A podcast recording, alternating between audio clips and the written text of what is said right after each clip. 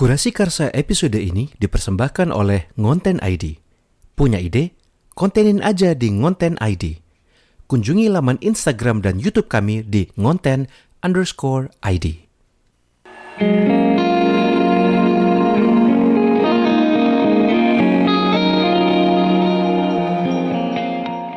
Halo semuanya, jumpa lagi di Kurasi Karsa, sebuah podcast oleh Dewantoro Ratri. Di episode kali ini teman-teman kedua kalinya, dua kali coba demi apa saya rekaman pagi bagi buta. Kalau di episode yang kemarin memang karena e, narasumbernya teman saya dari Amerika Serikat ya, memang harus jam segini, jam 7, jam 7 jam 8 pagi karena memang e, di sana dia baru pulang kerja. Kali ini orang Indonesia sama-sama orang Jawa Timur juga minta podcastan pagi-pagi. Coba kalau bukan orangnya yang sangat spesial bagi saya, saya hormati juga, males banget gitu rekaman pagi-pagi. Jadi hari ini uh, bantu saya untuk menyambut tamu saya teman-teman. Kita sambut dengan pelepasan seribu burung unta dan seribu buaya kidal. Kita sambut teman saya Zulidiana Rusnalasari. Hai, assalamualaikum semuanya. Aduh, Selamat pagi, ya. Mas Dewa. Demi apa coba Zul aku isu-isu oh, Sebenarnya ini nggak isu-isu banget sih. Yang isu-isu itu tadi waktu aku di podcast aku kan. Betul, ini yang betul. sekarang ini udah nggak isu-isu banget isu -isu udah jam banget. 8. Udah jam 8 betul sekali. Nah, jadi asal muasalnya uh, rekaman dengan Mbak Zulidiana ini adalah karena pertamanya saya yang diminta untuk mengisi di podcast beliau. Namanya apa, Mbak? Sekalian promo dong. Oh iya, jadi namanya podcast saya itu adalah Nara Rasa, Nala Rasa, gabungan dari kata nalar dan rasa. Tuh, nah. ada nanti search aja. Oh, jangan jangan search dong, nanti saya tulis di Oh, jangan search dong. Oh, boleh, Niat boleh. dong, saya tulis nanti ya. Nalara. Oh, ada dua sih nah. Nalarasa itu yang yang punya saya ada Indonesianya. Jadi Nalarasa Indonesia. Nah, Nalarasa tuh. Indonesia tuh. Nah, hmm. Mbak Zul ini sudah cukup lama mengajak saya untuk podcastan. Saya sendiri yang merasa tidak aman, insecure. Kenapa? Oh. Karena topiknya berat bos tentang riset. Coba oh. riset. Sedangkan saya menganggap diri saya sebagai orang yang uh, casual, orang yang nyantai, hmm. orang yang tidak terlalu uh, dekat dengan lingkaran akademis nah, kecuali kepepet gitu kan. Nah, ini nih yang yang yang kena alasan kenapa saya mau bikin podcast karena orang-orang menganggapnya itu adalah sesuatu yang tidak casual. Padahal tiap hari juga melakukan hal tersebut kan. Betul betul. Nah dari dari wawancara tadi pagi dengan Mbak Zulidiana ternyata ketakutan saya itu hilang. Ternyata yang di benak saya nanti akan dibawa begitu berat, begitu penuh dengan jargon-jargon akademis dan yang yang yang jauh yang menurut saya tidak membumi, tapi ternyata tidak. Ternyata uh, Mbak Zul ini justru mencoba apa ya kasarnya kalau bahasa saya membumikan gitu. Ah. Jadi biar biar riset itu lebih dekat di kehidupan orang-orang atau bahkan mungkin orang lebih menyadari sebenarnya bahwa sebenarnya dalam kehidupan sehari-hari mereka sendiri itu mereka tidak lepas dari yang namanya riset. Nah, tapi Betul. daripada daripada saya yang berbicara panjang lebar, mungkin Mbak Zul bisa cerita Mbak tentang apa podcastnya, tentang isinya apa dan alasan dibalik semuanya itu. Silakan Jul. Jadi sebenarnya podcastnya itu baru banget, masih baru banget. Saya masih dalam tahap belajar. Jadi kalau misalnya um, sahabat semuanya atau pendengar semuanya dari uh, kurasi karsanya Mas Dewa ini mendengarkan, pasti akan beda gitu, jomplang karena kurasi karsanya Mas Dewa ini sudah profesional. Uh, secara audio. Secara audio, manajemen dan sebagainya sudah profesional. Sedangkan saya masih Konten dalam sama tahap aja. Kon, dalam tahap belajar. Belajar dalam artian uh, uh, kontennya itu memang sudah saya pikirkan sejak tahun lalu. Saya ingin saya ingin membuat uh, karena saya sendiri background secara manusianya adalah auditori, saya lebih nyaman mendengar daripada menonton YouTube. Mungkin YouTube sering saya buka tapi tidak saya lihat. Ininya karena saya lebih suka mendengarkan. Nah, ternyata orang-orang seperti saya ini banyak yang dia menikmati nyetir mobil sambil mendengarkan, eh, masak sambil mendengarkan, atau kemudian bahkan membaca sambil mendengarkan juga. Dan karena pandemi dan sebagainya, sebelum pandemi udah pengen nih mas bikin project ini apa ya yang mau saya bahas. Saya itu pengen orang itu tahu apa sih. Jadinya uh, uh, ini ada gap gitu loh. Ketika saya misalnya mau menjelaskan riset saya atau riset orang lain ke orang awam, itu ada gap. Mereka belum gapnya itu bukan berarti memang orang yang nggak ngerti salah. Justru gapnya itu mereka bangun sendiri tembok itu. Uh, ngerti gak maksudku? Jadi kayak misalnya kayak Mas Dewa tadi bilang kan, uh, udah insecure duluan, udah insecure duluan ini karena dirimu sendiri yang bangun tembok itu. Padahal riset itu something that we do every day. Tadi yang saya contohkan tadi ya, kayak orang mau masak aja. Hari ini mau masak sayur asam misalnya. Itu dia udah riset dulu, oh ya karena kemarin udah ini, udah ini. Terus dia pasti juga udah dengar berita, oh saya mau masak sayur asam karena kalau harga harga cabai naik. Berarti kan ada kausalitis dan sebagainya. Itu kan itu adalah riset yang sederhana. Dan dengan kita itu membumikan riset, orang sering bertanya, literasi itu bisa naik literasi dalam artian literasi bangsa. Kita tahu lah Indonesia ini kan literasinya cukup menyedihkan. Jadi uh, kemarin ada yang curhat aja masalah deskripsi produk di Tokopedia aja yang misalnya deskripsinya 1 sampai 5. Yang dibaca itu cuma 1 dan 5. 2 3 4-nya enggak. Sehingga ketika dia kecewa dengan produknya itu bukan salahnya penjual karena sudah ada di deskripsi. Cuman karena literasi kita atau kemauan kita membaca tidak detail itu akhirnya me, apa namanya membuat kita itu menyimpulkan sebelum lengkap. Sedangkan ketika kita riset itu kita harus benar-benar detail kan. Jadi kalau orang itu udah seneng ngeriset, senang bertanya dan sebagainya, dia akan lebih detail, terbiasa gitu loh. Jadi benar-benar yang sama aku setuju banget dengan katanya Mas Dewa tadi, membumikan riset. Jadi saya mewawancarai orang-orang yang sudah pernah melakukan riset, pengalaman personalnya kayak gimana, hasil yang dia harapkan apa, dan hasil yang ternyata dia dapatkan apa. Terus kemudian siapa tahu dia bisa bercerita aha momen, atau dia bisa bercerita pengalaman spiritual, bahkan ada yang seperti itu. Ada yang menemukan apa, menemukan apa. Dan itu adalah menurut menurut saya sih worth it to listen gitu. Karena terutama buat adik-adik ya, mahasiswa-mahasiswa saya yang gampang ketika mau memilih, topik. Kebetulan kan jurusan kita ini kan sastra. Di mana topik itu adalah topik itu adalah sesuatu yang harus kita tentukan di awal sebelum kita um, apa namanya melakukan yang lain. Gak bisa kan kita uh, milih objeknya dulu itu kalau sastra kan kita harus kelihatan dulu topiknya. Nah seperti itulah sebenarnya milih milih topiknya aja itu udah setengah mati ya Jol ya dari ya. di antara begitu banyak objek dan juga nah. di antara nah. begitu banyak uh, teori yang mau dipakai Makanya, gitu kan. Hmm. Semakin sedikit objek yang sudah terpapar. Kata terpapar nih begitu ini sekarang ya. Uh, sedikit semakin sedikit objek yang dia itu tahu semakin artinya dia semakin sedikit dia baca misalnya atau dia hanya tahu objeknya ABCD gitu. Ah, maka akan semakin sedikit pilihannya.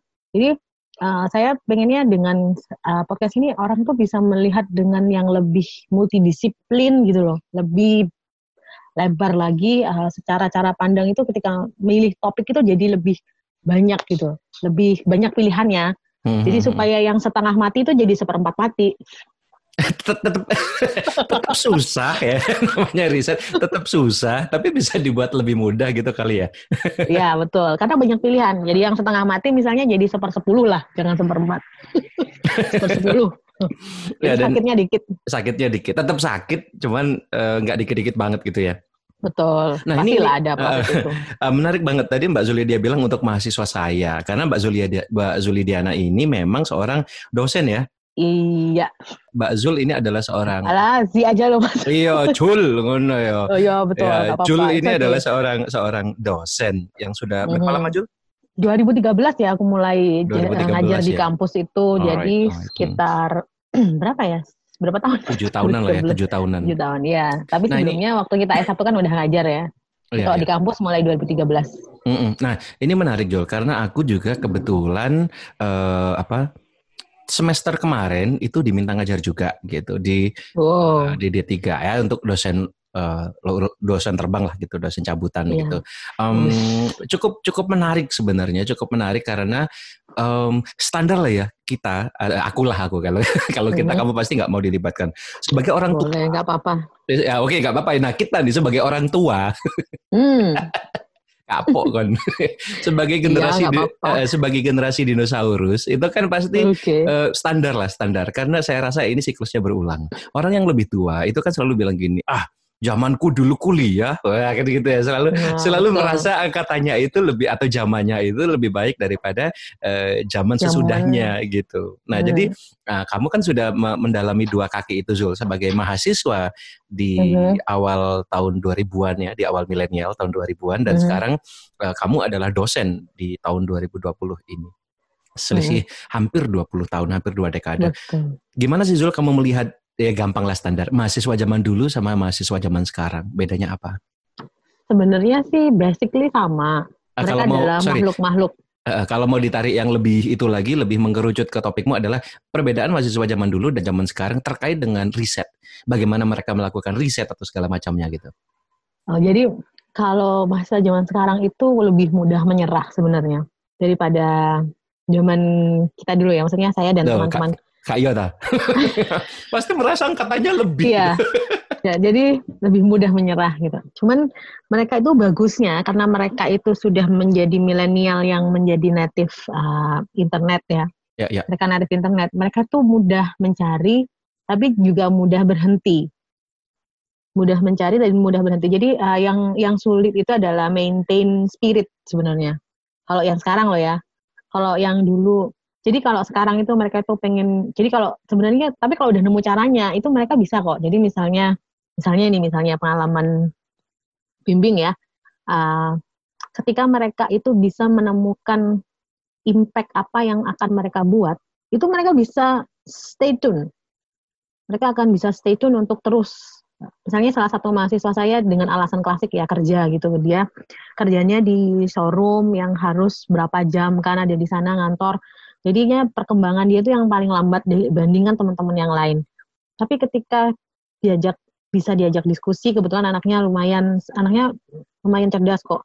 Dan dia bisa diajak diskusi, dikasih wawasan, uh, kamu nanti akan berimpact itu di sini. Jadi kayak kita itu menempatkan dia, ntar kamu posisi sekarang di dunia ini ini di sini nih, tapi nanti kalau kamu udah lulus S1 tuh di sini. Jadi kayak me mencoba refresh lagi gitu loh bukan saya menyadarkan tidak, tapi lebih kepada dia menemukan dirinya sendiri lebih impactful yang mana. Hmm. Karena anak sekarang itu ini banget sama impact. Nah, apa concern banget sama impact tuh kayak misalnya berapa follower yang dia punya gitu kan, seberapa banyak likes yang dia dapat gitu loh mas. Kalau saya nggak tahu ya, cuman uh, ini adalah dari saya juga menyadur dari kata-kata teman saya yang psikiater yang sudah melakukan penelitian itu dan dia bilang ya anak zaman sekarang memang harus disadarkan bahwa dia mau seberapa impact gitu. Tapi mereka juga generasi yang rapuh, artinya ketika misalnya dia mengalami cyberbullying misalnya, mereka akan lebih rapuh dari uh, generasi sebelumnya karena itu what's matter for them. Jadi kalau mereka mendapatkan olo-olo ya, misalnya Mas Dewa nih di olo-olo, oh dasar lu gini-gini di Facebook gitu ya. Dampaknya akan beda dengan generasi yang sekarang yang dapat olo-olokan kayak gitu apalagi followernya misalnya follower dia lebih banyak. Kalau kita kan gampang tinggal blok aja. Eh zaman kita dulu jangan kan cyberbullying physical bullying oh, aja. oh, kita alam curhat, curhat. humor insider lagi. Iya betul. Physical bullying. Tapi percaya atau tidak mereka tuh lebih sakit ketika di cyberbullying daripada di physical bullying. Oh ya? Tahu lebih jadi lebih dampaknya lebih karena kan kalau di internet tuh jejaknya itu kan jejak abadi ya, jejak digital gitu kan. Oh iya iya iya. Jadinya ketika misalnya itu uh, apa namanya uh, sudah mencuat di internet, jadinya dia atau di share di temennya itu jadi lebih menyakitkan. Dan yang paling saya uh, notice tuh dari generasi sekarang itu adalah saya nggak membandingkan dengan generasi dulu ya. Mungkin orang dulu juga banyak yang kayak gini. Cuman saya aja yang nggak peka mungkin anak-anak yang sekarang jadi masa saya itu adalah uh, orang-orang uh, yang hobi sekali playing victim. Jadi kayak misalnya nih nggak bisa ikut kelas. mengingatkan saya pada seseorang. aduh, duh. Jadi, aduh, duh, duh, duh. Jadi humor insider lagi nih. Humor, humor dalam insider lagi, lagi ya, ha, ha, humor dalam lagi. Jadi uh, playing victimnya itu ketika mereka tidak bisa mengumpulkan misalnya, mereka sulit, mereka ada apa ya mengakui bahwa mereka salah itu sulit lebih baik mereka mengakui kalau mereka tidak mampu daripada mereka mengakui kalau mereka salah. Nah bedanya apa tuh Jul? Ya dulu mungkin aku nggak peka ya banyak orang kayak gitu ya sekarang jadi kayak ketik, jadi kayak harus ber, agak tricky ketika menanyai gitu loh. Misalnya terjadi plagiarisme di dua di dua karya mahasiswa ya tugas gitu kan.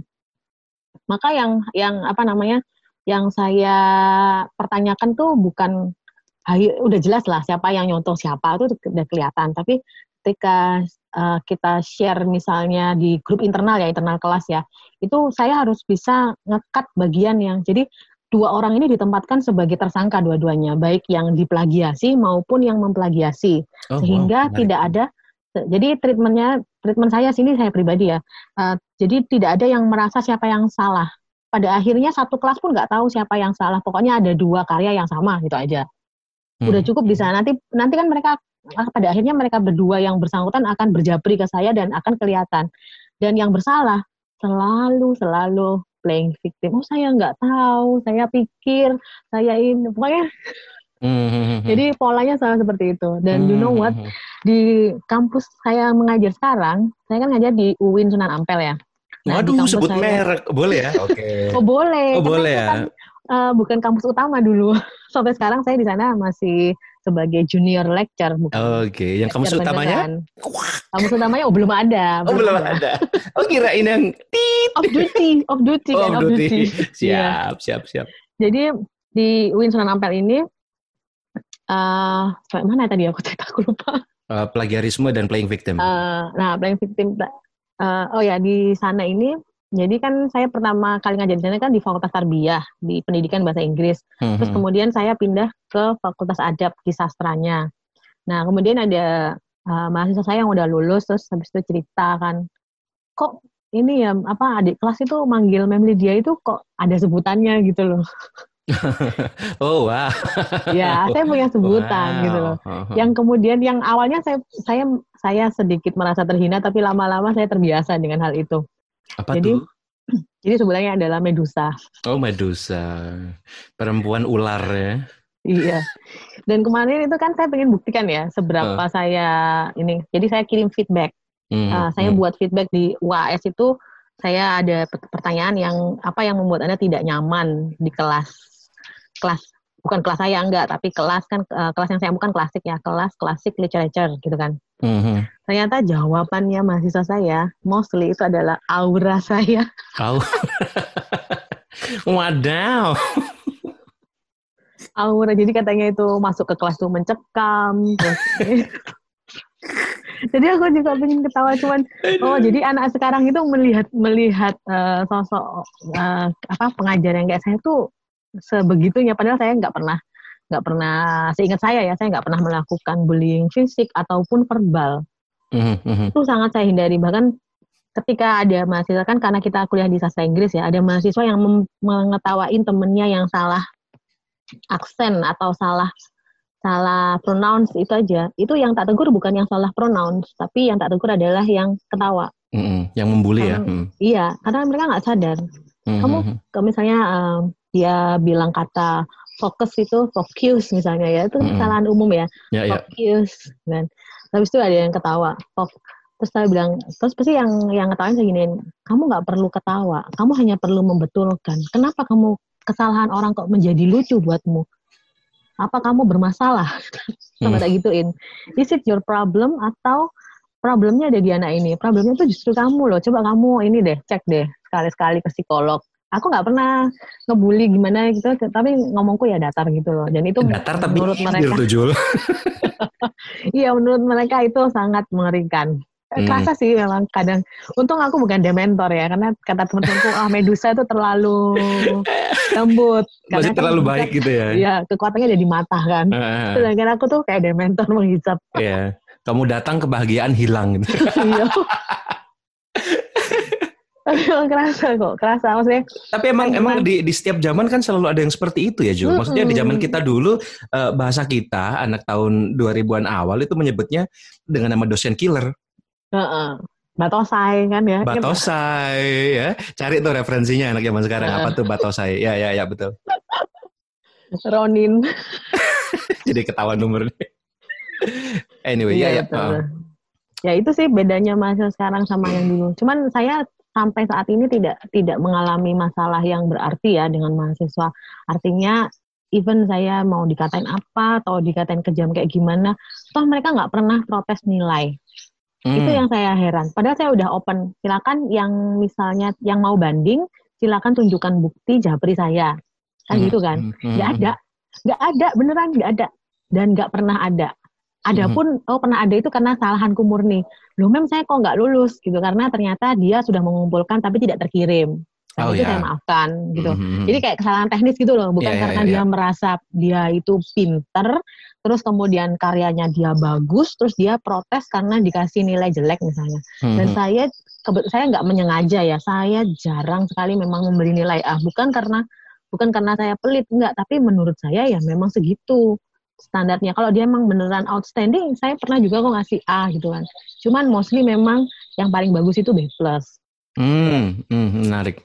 Nah, berbicara masalah nilai, masalah nilai eh, berarti kita berbicara masalah kompetensi ya, eh, Jul. Iya, Nah, aku, kompetensi. eh, aku aku nggak nggak tahu nih seberapa apa seberapa objektifkah dirimu atau seberapa Betul. seberapa kuat dirimu untuk mengingat eh, Mhm. kompetensi eh, mahasiswa angkatan kita eh, Mhm. Mahasiswa-mahasiswa circa 2000-an 2000 2001 Mhm. 2002 2003 2004 dengan eh, mahasiswa zaman sekarang mahasiswa 2020-an ini Em, seberapa beda sih Jul pe- pe- peng- apa ya kompetensi kalau kita tarik yang paling gampang sebenarnya kalau bahasa Inggris itu kan ngeceknya dari pronunciation-nya dari Mhm. dari dari kemampuan mereka berbicara dari eh, gramatikanya yang paling gampang kan itu ya standar ukuran yang yang Mhm. paling ya paling paling artifisial tapi mungkin kamu bisa berbagi Jul Jadi kalau ini parsial ya, eh, karena saya belum riset mendalam. Cuman Ya, namanya eh, periset ya harus selalu ada disclaimer gitu ya. iya harus ada disclaimer supaya tidak dijadikan dasar itu nanti. Karena Betul, kan betul. sekarang bisa disitasi, Om- omongan Eh, saya kan nggak bisa disitasi. Eh gitu. Podcast bisa dikutip ya. Loh, bisa dong, Bisa ya? bisa. Podcast bisa dikutip, bisa. Serius. Jadi ini saya wow. disclaimer dulu. Saya Oke, disclaimer oke. dulu bahwa ini adalah pengamatan pribadi, personal, jadi tidak bisa dijadikan dasar. Siap. Eh, cuman ini kebetulan riset saya itu memang kan teks berbahasa Inggris yang temanya Disney. Mhm. Terus kemudian diperbandingkan dengan teks klasik yang menjadi dasar dari pembuatan Disney itu sendiri. Misalnya Hmm. kayak eh, Charles Perrault itu kemudian dijadikan Cinderella dan sebagainya. Mhm. Nah, Ternyata eh, intinya bukan di teksnya itu ada something yang menarik yang lain yang saya temukan ketika proses analisis itu adalah eh, dalam belajar bahasa Inggris di di di eh, di prodi kita ya di subjek kita bahasa Inggris itu yang paling membuat yang membuat eh, gap atau membuat penghalang atau obstacle yang paling besar itu adalah eh, inferiority dari si pembelajar itu sendiri. Hmm, menarik. Jadi ini tetap harus dibuktikan, tetap harus dibuktikan. Saya harus membuktikan ini I'm doing it gitu kan supaya saya bisa lulus doktoral ini saya harus bisa membuktikan seberapa Oh lagi ambil besar. S3 sekarang Jul? Iya. Gokil. Jadi pura-pura nggak tahu tuh. Kayaknya enggak, kayaknya kita belum pernah ngobrol deh kalau oh kamu gitu ambil, ya. kalau kamu ambil udah S3. di, udah di semester 8 mas. Ini aku udah di semester 8 sedang Cerita dong dikit tentang S3-nya. Ya ini uh, salah satunya adalah parsial parsial dari penelitianku ini adalah tentang inferiority dari pembelajar ini. Wih. Jadi ketika apalagi bahasa Inggris ya, kita tahu bahasa Inggris itu bukan bahasa ibu kita dan bukan bahasa penjajah. Mhm. Beda dong dengan Malaysia yang kemudian uh, kenapa bahasa Inggris bisa aja kita bilang uh, bahasa Inggrisnya orang Malaysia itu lebih bagus misalnya, lebih tersebar, lebih banyak orang yang ngomong bahasa uh, Inggris karena bahasa Inggris selain menjadi second language juga dia adalah bahasa penjajah mereka. Ya, ya, ya. Artinya Malaysia second, dijajah sedangkan Inggris ya. ya. sedangkan kita ini kan foreign. Beda Hmm, second hmm, sama hmm. foreign aja udah kelihatan kan. Mhm. Nah, Yang membuat obstacle yang terbesar ini adalah saya cuman uji coba sebenarnya ini tuh. Mhm. Kita punya teks yang siapa sih yang nggak tahu teks-teks Disney gitu kan. Mhm. Teks-teks barat itu yang kemudian kita kenal dari cerita-cerita itu dan akhirnya cerita-cerita ini menjadi fantasi yang sempurna tentang kehidupan yang lebih baik daripada ke- kehidupan kita. Jadi fantasi ini terinternalisasi di dalam uh, bayangan kita, culture kita itu udah wah kalau ngomongin putri-putri raja itu pasti lebih Mhm. uh, ideal ideal life gitu loh. iya, iya. sehingga kita memperbandingkan kehidupan kita dengan ideal life-nya princesses itu kan Ya, ya. Nah, dalam proses kita menikmati mengkonsumsi teks dan movie Disney itu tadi ada proses di mana kita menempatkan diri kita sebagai viewers itu menjadi uh, ada di mana posisinya apakah kita kan beda ya ketika kita lihat Bajai Bajuri sama ngelihat Disney kan beda kan sebagai viewers memposisikan diri itu Bajai Bajuri kayak tetangga sebelah misalnya Oh, ya, tapi ya. kalau ketika nonton um, Disney yang versi Emma, Emma Watson aja kan feelingnya itu distance-nya itu loh. Iya, uh, iya, iya. Kerasa distance-nya. Hmm. Nah, distance ini yang kemudian diterjemahkan dalam eh, keilmiahan itu menjadi inferior. Kita Hmm. merasa inferior terhadap uh, teks ini. Teks ini tuh nggak cuma teksnya aja, tapi juga kehidupan di dalamnya, culture di dalamnya. Nah, karena kita orang bahasa, bahasa yang mereka gunakan. Sehingga mahasiswa yang belajar bahasa Inggris atau siswa yang belajar bahasa Inggris itu mereka mau ngomong tuh takut. Kenapa? Takut salah grammar. Ya, ya, ya, ya. Ngerti, Kenapa ngerti. takut salah grammar? I, even orang yang kita ajak komunikasi nggak masalah kita salah grammar kan. Kenapa ya, kita ya, ya. salah grammar? Orang dalam bahasa Indonesia kita nggak pakai grammar yang benar. Coba Mas Dewa ngomong bahasa Indonesia di podcast ini pakai grammar yang benar nggak? Uh, diupayakan. tapi tapi menarik. Tapi itu adalah uh, begini uh, tidak tidak bisa apa ya kalau penggunaan bahasa yang uh, tapi menarik sekali Jul uh, jujur uh, apa yang apa yang kamu sampaikan tuh menarik sekali tapi uh, bahwa penggunaan bahasa Indonesia yang baik dan benar dalam hal ini hmm. uh, ada beberapa aspek setidaknya yang yang yang yang bisa saya pelajari pertama karena ini kan bahasa bahasa kita ya kan hmm. bahasa kita uh, bahasa pertama kita dan terlebih hmm. yang kedua kita sebagai pekerja bahasa kita memiliki uh, apa ya keuntungan bahwa kita memiliki hmm. akses untuk belajar bahasa secara lebih uh, lebih mendalam dibandingkan orang-orang yang mungkin tidak uh, mempelajari bahasa gitu kan sehingga hmm. kita memiliki opsi pilihan untuk apakah kita akan menggunakan ragam bahasa Indonesia yang baik dan benar atau tidak begitu kan nah Nah, karena, karena dirimu ya, merasa memiliki kan. Karena itu. saya merasa memiliki, betul, hmm. betul, betul. Nah, tapi betul bahwa memang dalam bahasa Inggris uh, bahkan per hari ini pun saya rasa ada yang yang kalau boleh saya gunakan bahasa sendiri inferioritas itu uh, masih ada walaupun faktanya uh, penggunaan bahasa Inggris itu jauh lebih apa kasarannya? Membumi bukan ya? Jauh lebih ya, akhirnya lebih... pakai bahasa Inggris. Lebih spread gitu loh. Lebih tersebar uh. lebih tersebar dibanding ingat zaman kita dulu ketika mahasiswa mungkin dalam hmm. tanda kutip hanya hanya anak-anak dari sastra Inggris yang yang yang berhak ya. untuk uh, posting dalam bahasa Inggris atau orang-orang yang merasa dirinya Betul. Uh, uh, uh, mampu berbahasa Inggris yang uh. bisa memposting di media sosial. Tapi sekarang faktanya hampir semua orang bahkan di komentar-komentar YouTube itu uh, relatif lebih banyak lah penggunaan hmm. bahasa Inggris di, di setidaknya di media sosial. Iya, dan dulu itu kan kita ketemu banyak orang yang jadi grammar nerd kan. Jadi grammar Nazi ya? ya. iya. Jadi kayak uh, salah. Jadi akhirnya itu akan memperluas jurang itu tadi. Dan inferior ini yang menjadi awal utama orang udah inferior takut salah pula. Kira-kira bisa belajar nggak? Kan jadinya susah banget gitu dia untuk belajar dan menginternalisasi. Sama kayak Mas Dewa tadi ngomong kalau uh, bahasa Indonesia itu kita punya akses.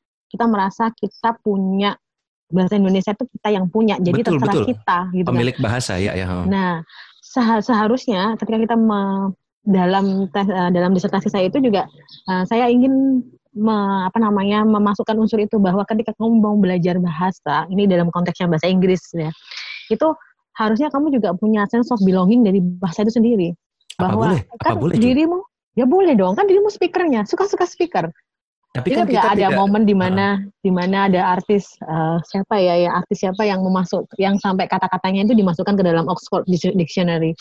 Karena hmm. bahasa itu fleksibel dan bahasa Inggris itu udah nggak lagi menjadi miliknya Eropa atau Amerika. Bahasa betul, Inggris betul. itu sudah globally kan. Betul. Dan kita makanya, lihat dalam makanya tes, makanya uh, ada istilah yang namanya World Englishes itu ya Jul ya.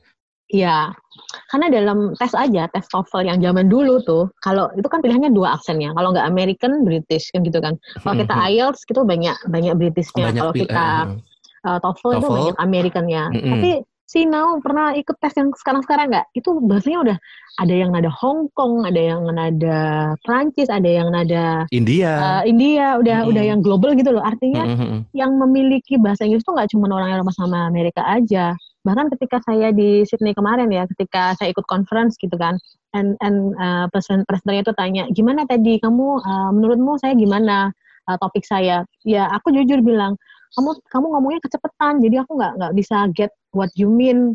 Saya mungkin bisa get what you mean itu cuma 60% and then yang dia lakukan adalah oh maaf ya dia dia merasa bersalah dan dia minta maaf dan dia willing to explain. Oh wow. Artinya di situ perasaan saya pasti ada dong inferior ya, apalagi yeah, yeah. itu dengan bahasa Perasaan saya mengenali inferiority saya itu menurun drastis oh. terhadap bahasa itu sendiri. Artinya kita memang harus bisa menghilangkan jarak itu biar gak inferior. Nah, saya meng, uh, uh, mencoba uh, risetnya itu karena teks bahasa Inggrisnya itu saya ininya itu Disney objeknya Disney dan subjeknya itu adalah mahasiswa. Di sanalah kemudian mereka uh, narasinya kayak gini loh mas. Uh, kayak aku tanya uh, kamu udah tahu nggak cerita tentang Cinderella? Terus menurutmu Cinderella itu bagaimana? Dari jawaban-jawaban mereka itu terlihat sekali bahwa ideal life itu adalah them dan we are in the struggling process gitu loh. Mm-hmm. jadi di situ kemudian ada um, indikasi-indikasi inferiority. Padahal mereka adalah mahasiswa mahasiswa sastra Inggris ya yang harus belajar teks dan inilah yang kemudian menjadi yang saya rasa, ini kan harus dikonfirmasi lagi ya, namanya hasil yeah, yeah, penelitian yeah. kan harus dikonfirmasi lagi. Mm -hmm. Salah satu yang menjadi barrier utama uh, seseorang untuk mempelajari bahasa Inggris ketika dia tahu teksnya duluan, kan kita tahu teksnya duluan, tahu Disney-nya duluan, simbol-simbol yang di dalamnya itu kan menggambarkan kehidupan yang above gitu loh, far above mm -hmm. gitu kan. Mm -hmm. Jadinya, jadinya kita tuh kayak mau kayak mungkin kalau dalam konteks bahasa Arab itu kayak kita belajar bahasa Arab itu susah karena itu kayak udah diinternalisasi di dalam pikiran kita itu adalah bahasa surga gitu. Iya yeah, iya yeah, yeah, Pernah yeah. dengar nggak? Pernah pernah dengar ya kayak gitu. Huh. Ya kayak gitu. Jadi in a such a way itu we do the same dengan bahasa Inggris. Bahasa Inggris. Gitu iya, iya, iya. iya. Jadi inferior itu sendiri kerasa ya sama lah mahasiswa saya kalau disuruh ngomong sama bule nggak mau semua. Entah hmm, itu alasannya takut, malu apa. Kan intinya mereka apa? Mereka inferior. Dan hmm. mereka merasa si bulenya ini superior. Padahal you are both human beings. Ya, ya, ya, ya, ya. Mm-hmm. Kalau aku bercermin ke aku sendiri ya, aku mm. baru merasa itu ya setelah lulus S1 misalnya dan banyak terkoneksi dengan orang-orang uh, di luar orang Indonesia gitu loh. Iya, iya, betul. Apa ya? Jadinya lebih Ya Mas juga pasti ngerasain lah waktu ke Amrik dulu. Iya iya betul. Nah ini um, ter, uh, menarik sekali tentang inferioritas uh, berbahasa. Jadi memang iya bahkan belajar inferioritas pem, uh, pembelajar. Betul hmm. betul. Saya berbagi bukan hanya pembelajar. Inferi hmm. saya boleh menambahkan Zul ini adalah inferiority di uh, dunia profesional pun ada yang seperti ini. Oh iya. Nah jadi saya mau cerita uh, saya mau cerita sedikit boleh, boleh. ini. Uh, uh, jadi Eh, ternyata bukan hanya di tataran pembelajar saja, pembelajar saja, hmm. bahkan di tataran profesional sekelas saya itu ada perasaan inferior. Jadi dulu, dulu uh, ketika saya masih awal meniti karir sebagai seorang juru bahasa, ketika saya hmm. banyak bekerja untuk klien-klien asing di mana saya dituntut untuk berbicara dalam bahasa Inggris, hmm. ada ada momen-momen. Uh, nah ini kalau saya tarik uh, tanggalnya mundur ya, kalau saya tarik hmm. tanggalnya mundur uh, itu sekitar tahun 2014 ketika saya mulai karir uh, penjuru bahasaan ini. Hmm. Uh, ada momen-momen ketika uh, setiap kali selesai saya bekerja itu saya akan menanyakan hasil uh, pekerjaan saya kepada klien gitu. Jadi pertanyaan gitu ya. Uh, tanya feedback, tanya feedback itu seperti ini, seperti um, what about my translation, sir? What about my interpretation? Bagaimana dengan hasil terjemahan saya? Dengan harapan tentunya uh, berharap mereka akan menyampaikan sesuatu yang positif gitu. Dan tentu saja uh, sebagai seorang uh, pekerja, sebagai seorang yang alhamdulillahnya pernah digembleng satu tahun di US dulu, kuliahnya lima tahun di sastra Inggris, tentunya uh, secara umum bahasa Inggris kita baik dong setidaknya Diharap menurut mereka. kan ya kan pastinya. Nah menariknya ini, saya sih tidak bilang expected, saya sih yakin, memang tidak uh. tidak berlaku lagi-lagi penafian ya, tidak berlaku bahwa ya, oh betul. semua yang sudah lulus sastra Inggris atau pernah satu tahun di, di, di, di setidaknya di luar negeri akan bahasa Inggrisnya bagus, tapi uh, lazimnya menurut saya harusnya sih seperti itu baik dan mm -hmm. dan tentu saja mereka bilang bahasa Inggris saya baik, tapi menariknya sih di balik pertanyaan saya itu motifnya bukan motif profesional sebenarnya. Hmm. Motifnya karena kamu bilang seperti ini sadar tidak sadar sebenarnya hmm. saya masih memiliki inferioritas itu. Hmm. Sebagai seorang profesional pun saya itu masih memiliki ketakutan bahwa ini si bule-bule ini jangan-jangan nggak ngerti nih pengucapan hmm. saya, pronunciation saya, jangan Betul. bahasa Inggris saya, jangan-jangan si bule-bule ini tidak paham gitu. Jadi setiap kali mereka bilang, oh your pronunciation is good, saya merasa senang sekali gitu karena hmm. itu lebih kepada apa ya sedikit demi sedikit menurut saya mengikis uh, inferioritas itu perasaan hmm. inferior perasaan inferior itu nah makin ke sini makin saya apa makin saya sudah berapa tahun nih berarti di industri ini tujuh tahunan ya beberapa hmm. tahun terakhir saya sudah tidak pernah menanyakan itu lagi karena hmm. saya sudah merasa nyaman saya saya accomplish accomplish atau lebih tepatnya saya sudah tidak lagi merasa inferior terhadap bahasa Betul. Inggris saya sendiri dan itu lebih lebih mudah kan untuk kita kerasa nggak ketika udah nggak nggak ada tembok inferior itu jadi gampang gitu loh kita baca kita dengerin orang ngomong iya betul oh, betul betul betul dan ketika oh. misalnya kita oh. salah pun kita oh salah ya? Ya nggak apa-apa gitu. Ya uh, sudah kita salah ya ya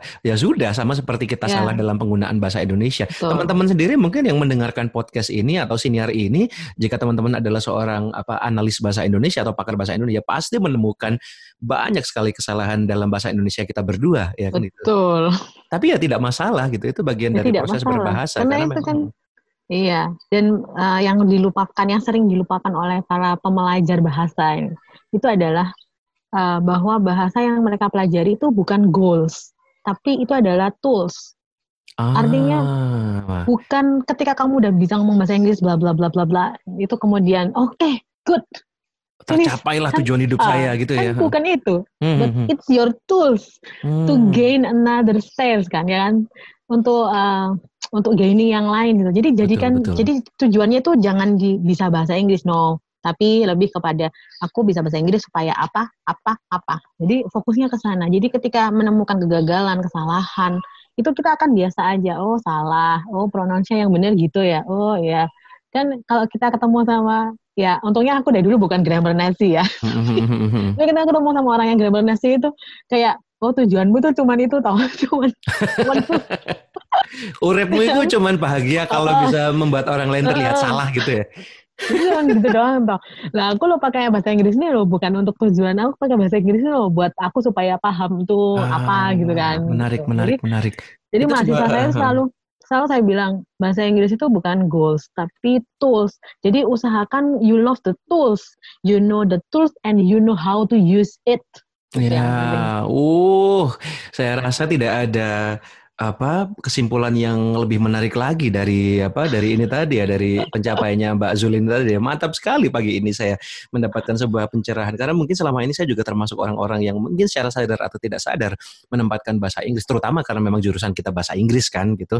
Bahwa bahasa Inggris hmm. itu adalah sebuah goal sebuah pencapaian. Padahal harusnya kita tempatkan bahasa Inggris itu sebagai tools saja gitu. Hmm, sebagai tools. Jadi kita akan belajar ya biasa aja kayak kita pegang handphone baru misalnya atau tidak semua ya? fiturnya dipakai juga hmm, kan gitu ya. Iya betul. Dan nggak harus kita ngerti semuanya kan. Betul betul. Ya, kita betul. butuhin aja apa yang dibutuhin dari bahasa Inggris itu. Wah. Jadi menambahkannya ya santai lah gitu nggak nggak usah yang gimana gimana hmm. gitu kan. Sebuah ya, sebuah analogi itu, yang bagus sekali.